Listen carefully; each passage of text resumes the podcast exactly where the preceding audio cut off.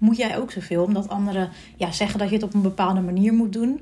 Bijvoorbeeld, je moet je concentreren op het um, goed worden in één ding. Je kunt onmogelijk al je uh, passies volgen. Um, je moet je boodschap afzwakken, want je wilt niemand afschrikken. Dat is iets wat ik ook best wel vaak hoor. Um, je bent ouder dan 35. Je moet er echt aan denken om binnenkort uh, kinderen te krijgen. Nou, ik ben zelf 32 en uh, ik woon in een huis waar uh, in meerdere kinderen inderdaad prima een plek zouden kunnen hebben. En daar word ik ook best wel vaak aan herinnerd van, nou weet je, wordt het geen tijd dat je daar eens even mee bezig gaat. Ik vind dat best wel brutaal trouwens ook, want je weet helemaal niet hoe mijn situatie is. Misschien kan het wel helemaal niet, weet je wel best wel pijnlijke vraag als dat echt iemand is die. Dat je dat stelt aan iemand of, of eigenlijk oplegt van de verwachting is dat je nu wel aan kinderen gaat beginnen. Terwijl diegene gewoon. Um, ja, misschien weet je, dat deel je natuurlijk niet, maar blijkt dat dat helemaal niet kan. Kijk, dat geldt niet voor mij, uh, maar ik weet dat er wel vrouwen zijn voor wie dat wel geldt. En dan is zo'n vraag of zo'n opmerking echt helemaal niet prettig. Um, of je zou meer op social media moeten zijn, want je loopt op, ja, omdat je daar niet zoveel aanwezig bent, potentiële klanten mis. En dit zijn gewoon een paar voorbeelden van dingen um, moeten, zeg maar, die mensen ofwel rechtstreeks tegen me hebben gezegd. Of ik heb zelf het gevoel gekregen dat ik bepaalde dingen zou moeten doen. De, ja, de onuitgesproken maatschappelijke en ook culturele verwachtingen. En dat wil natuurlijk niet zeggen dat alle verwachtingen per se slecht zijn. Um, bijvoorbeeld je handen wassen nadat je naar de wc bent geweest. Ja, dat vind ik echt een must. Uh, en dat is volgens mij ook wel gewoon een algemene verwachting. En dat vind ik zeker geen slechte verwachting. Um, en leven voor de verwachtingen van andere mensen, die garandeert je. Um, ja, dat je niet voldoet aan die van jezelf. Weet je? je, je kan of je eigen leven leiden of die van iemand anders. Er zijn niet echt veel smaken daartussen. En ja, als je het dus doet, uh, een leven leidt die niet voldoet um, ja, dat niet voldoet aan die van jezelf, dan leid je het leven van iemand anders en niet dat van jou. En het is gemakkelijk om je door de verwachtingen van anderen en de druk die dat met zich meebrengt te laten wegvagen van je, ja, je ware zelf, wat jij graag wilt. Um, en voordat je het weet, zonder dat je er eigenlijk per se erg in hebt, want het gebeurt natuurlijk heel geraffineerd, dan leef je op de automatische piloot en ben je je eigenlijk nauwelijks nog bewust van de keuzes die je maakt. En vooral de redenen daarachter. Zijn, ze wel, zijn het wel dingen die jij graag wil doen? Zijn het wel keuzes die gebaseerd zijn op jouw intrinsieke motivatie? Of is het de, de verwachtingen, zijn het de verwachtingen van anderen? En het is natuurlijk een menselijk verlangen om um, het de mensen om ons heen naar de zin te maken. Want ja, wij mensen zijn sociale wezens. Maar het is natuurlijk niet de bedoeling dat je dat doet ten koste van jezelf. Want je hoeft je ware aard echt niet te onderdrukken of je diepste verlangens te negeren om geliefd en geaccepteerd te worden. Want mocht dat wel het geval zijn, dan mag je echt een hele sterke review doen op, je, op de mensen waarmee je omgaat. Want dat, dat kan nooit zo zijn. En je tijd hier op aarde, die is beperkt. Weet je, ik heb daar ook al eerder podcasts over opgenomen. Dat is gewoon zo, dat is een feit. Dus verspil je kostbare tijd niet door goedkeuring van anderen na te streven. Um, en daarmee dus te negeren wat je zelf echt graag wilt. Want niet trouw zijn aan jezelf, ja, dat is een heel breed en eigenlijk ook best wel vaag iets. Want wat is nou trouw zijn aan jezelf? En misschien vraag je je af van ja, uh, maar wat doet iemand dan die uh, niet trouw is aan zichzelf? Nou, ik zal een aantal uh, um, dingen met je, een aantal tekenen met je bespreken die um, laten zien dat je niet trouw bent aan jezelf. Denk bijvoorbeeld aan um, je egoïstisch voelen uh, als je vraagt wat je wilt. Dus dat je echt vraagt om wat je wilt. Dat is voor mij echt een thema geweest. Ik wist donders goed wat ik wilde. Maar ik had ook zoiets van, ja, maar weet je, het draait niet om mij. Ik kan het niet uh, aangeven. Weet je, ik pas me wel aan aan wat is. En dat heeft mij echt heel veel gekost. Letterlijk, eh, weet je, sowieso gewoon in, um, in mijn leven als, als vreugde, zeg maar. Weet je, ik heb daardoor echt vaak dingen gedaan die ik helemaal niet wilde doen. Ik neem daar alle verantwoordelijkheid ook voor. Um, en het heeft me ook gewoon fucking veel geld gekost. Omdat je daardoor keuzes maakt die, die eigenlijk niet helemaal lekker voelen. Maar ja, uh, eigenlijk alles kost geld. Uh, zeker in businessland, weet je, als je gewoon je gevoelens negeert of je, je verlangens, dan kan het wel eens gewoon uh, je letterlijk duur komen te staan omdat je verkeerde investeringen doet. Daar leer je wel weer heel veel van. Maar ik weet daardoor nu ook wel gewoon wat ik wel wil en wat ik niet wil. En ik schroom ook niet meer om daar uh, gewoon om te vragen. En een nee is ook een antwoord. Dat is dan oké, dan zoek ik gewoon verder. Maar ik, ik zie het niet meer als iets egoïstisch. Um, en een ander voorbeeld is, je maakt je constant zorgen over wat mensen denken. Of je voelt je um, ja, gewoon uit elkaar getrokken. Weet je, in een miljoen richtingen getrokken. Omdat je natuurlijk alle ballen probeert hoog te houden. En dat kan gewoon niet.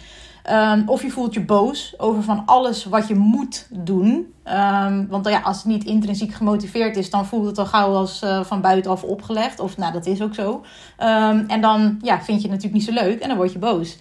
En wat ook veel voorkomt, is dat je dromen gek lijken. Dat is wat ik ook heel vaak heb meegemaakt. Als ik dan uitsprak bij de verkeerde mensen. Uh, van, nou, ik wil dit en dit en dit. Dat is nou echt zoiets van, what the fuck, weet je. Uh, alsof je gek bent inderdaad. Alsof het iets onbereikbaars is. Of sterker nog, helemaal niet boeiend, weet je. Van, dat kan jij gewoon niet. Um, als je da daar dus in gaat geloven, dan ben je niet trouw aan jezelf. En de risico's van het negeren van je innerlijke stem, die zijn gewoon groot afhankelijk van welke berichten je hebt gehoord toen je opgroeide, um, ja, kan het ronduit verkeerd voelen om uit de ja, conventionele manier van doen te breken. Weet je, we, we willen graag gewoon, doe maar normaal, dan doe je al gek genoeg. Dat is echt wel de Nederlandse mentaliteit. En als je dan buiten de gebaande paden gaat bewegen, dan, dan reken maar dat daar wat van wordt gevonden. En het kan dus ook gewoon uh, verkeerd aanvoelen. Die weerstand, die kan maken dat jij denkt van ik doe iets verkeerd, weet je wel. En dat te doorbreken, ja, dat vraagt iets van jou. Eerlijk zijn over wat je echt wilt, dat kan zelfs als aanstootgevend, egoïstisch of gewoon onbelangrijk gezien worden. Maar als je het einde van je leven bereikt, zul je er dan spijt van krijgen dat je niet naar je hart hebt geluisterd, niet hebt geluisterd naar jouw verlangens. Zul je gemiste kansen en onvervulde dromen herinneren, weet je? Zal je denken aan alle leugens die je hebt verteld aan jezelf, maar ook aan anderen om veilig, uh, comfortabel en aardig te blijven. Um, in je comfortzone te blijven. In dat wat je kent, maar wat jou niet per definitie gelukkig maakt. En mijn gok is ja. En dat is dus geen risico dat het niet waard is om te nemen. Wat mij heel erg uh, um, heeft geïnspireerd en ook echt waardevolle inzichten heeft gegeven, is het boek The Top 5 Regrets of the Dying. En um, ja, dat, die bepaalde waardevolle inzichten gebruik ik ook in mijn coaching, maar ook in mijn eigen leven. Uh, om ervoor te zorgen dat ik mijn leven niet op de automatische piloot leef. Of leef op een manier die wordt bepaald door de verwachtingen van andere mensen over wie ik zou moeten zijn. In het kort, Um, de schrijfster van dit boek was een palliatieve verpleegster die jarenlang naast het bed dus van mensen zat die terminaal ziek waren. En door haar werk ontdekte ze wat de meest voorkomende uh, vormen van spijt zijn van mensen die dus op hun sterfbed lagen. Um, namelijk, ik, weet, ik wilde dat ik de moed had gehad om een leven te leiden dat trouw is aan mezelf. En niet het leven dat anderen van me verwachten. Dat was de meest voorkomende vorm van spijt, zeg maar, die mensen hadden dus op hun sterfbed. En iedere keer als ik dat lees, of ja, zelfs nu ik het dus uh, hard uitspreek, krijg ik er gewoon kippenvel van. Want dat is dus de hele essentie van het leven. Het is echt de moeite waard om ervoor te zorgen dat je um, het leven leidt dat jij wilt leven. En niet het leven dat anderen van jou verwachten. En om je daarbij te helpen heb ik een aantal verdiepende vragen voor je. Die je um, ja, helpen een leven te creëren dat van jou is. En deze snelle oefening, die, ik gebruik hem ook altijd. Als ik gewoon denk van dit voelt niet oké. Wat, wat de fuck is er aan de hand? Dan check ik gewoon even in bij mezelf met deze vragen. En dan wordt het gelijk ook duidelijk van waar, waar de bottleneck zit. En dan is het natuurlijk aan jou de kunst om daarnaar te handelen. Um, maar je moet wel eerst weten waar, waar uh, ja, het, het probleem of het obstakel zich bevindt. Um, en dit is dus een hele snelle oefening. Die kun je altijd weer gebruiken als je het gevoel hebt dat je verlangens worden overstemd door de verwachtingen van buitenaf. Dat er gewoon dingen gebeuren waarvan jij zoiets hebt van, hmm, ik weet niet wat het is, maar dit voelt gewoon niet helemaal fijn. En denk niet alleen aan um, je antwoorden in je hoofd, maar schrijf ze ook echt op. En, want het zien en lezen van je woorden, dat, uh, ja, die geven je extra motivatie om ook daadwerkelijk te veranderen. En als je geen pen en papier op dit moment bij de hand hebt, is dat ook geen probleem. Want dan kun je ze gewoon uh, um, in je notities van je telefoon typen. Wat is één ding dat je nu doet? Niet omdat het uh, ja, voor jou oké is of dat jij uh, zoiets hebt van ik wil dit doen, maar omdat je voelt dat het van je wordt verwacht. En wat is een moedige verandering die je zou willen maken om meer trouw te zijn aan jezelf? En wat is tot slot de eerste actie die je nu kunt ondernemen?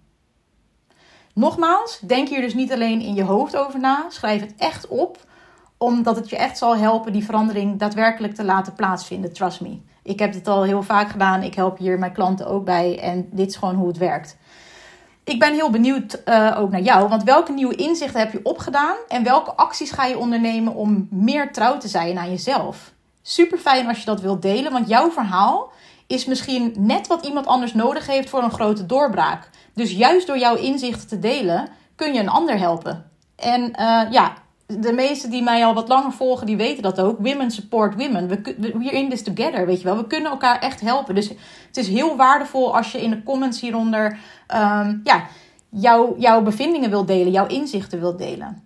Heel erg bedankt voor het luisteren en blijf ook luisteren naar je intuïtie en je verlangens. Want zoals je weet komt het leven met een sterftecijfer van 100%. Dus waar wacht je nog op?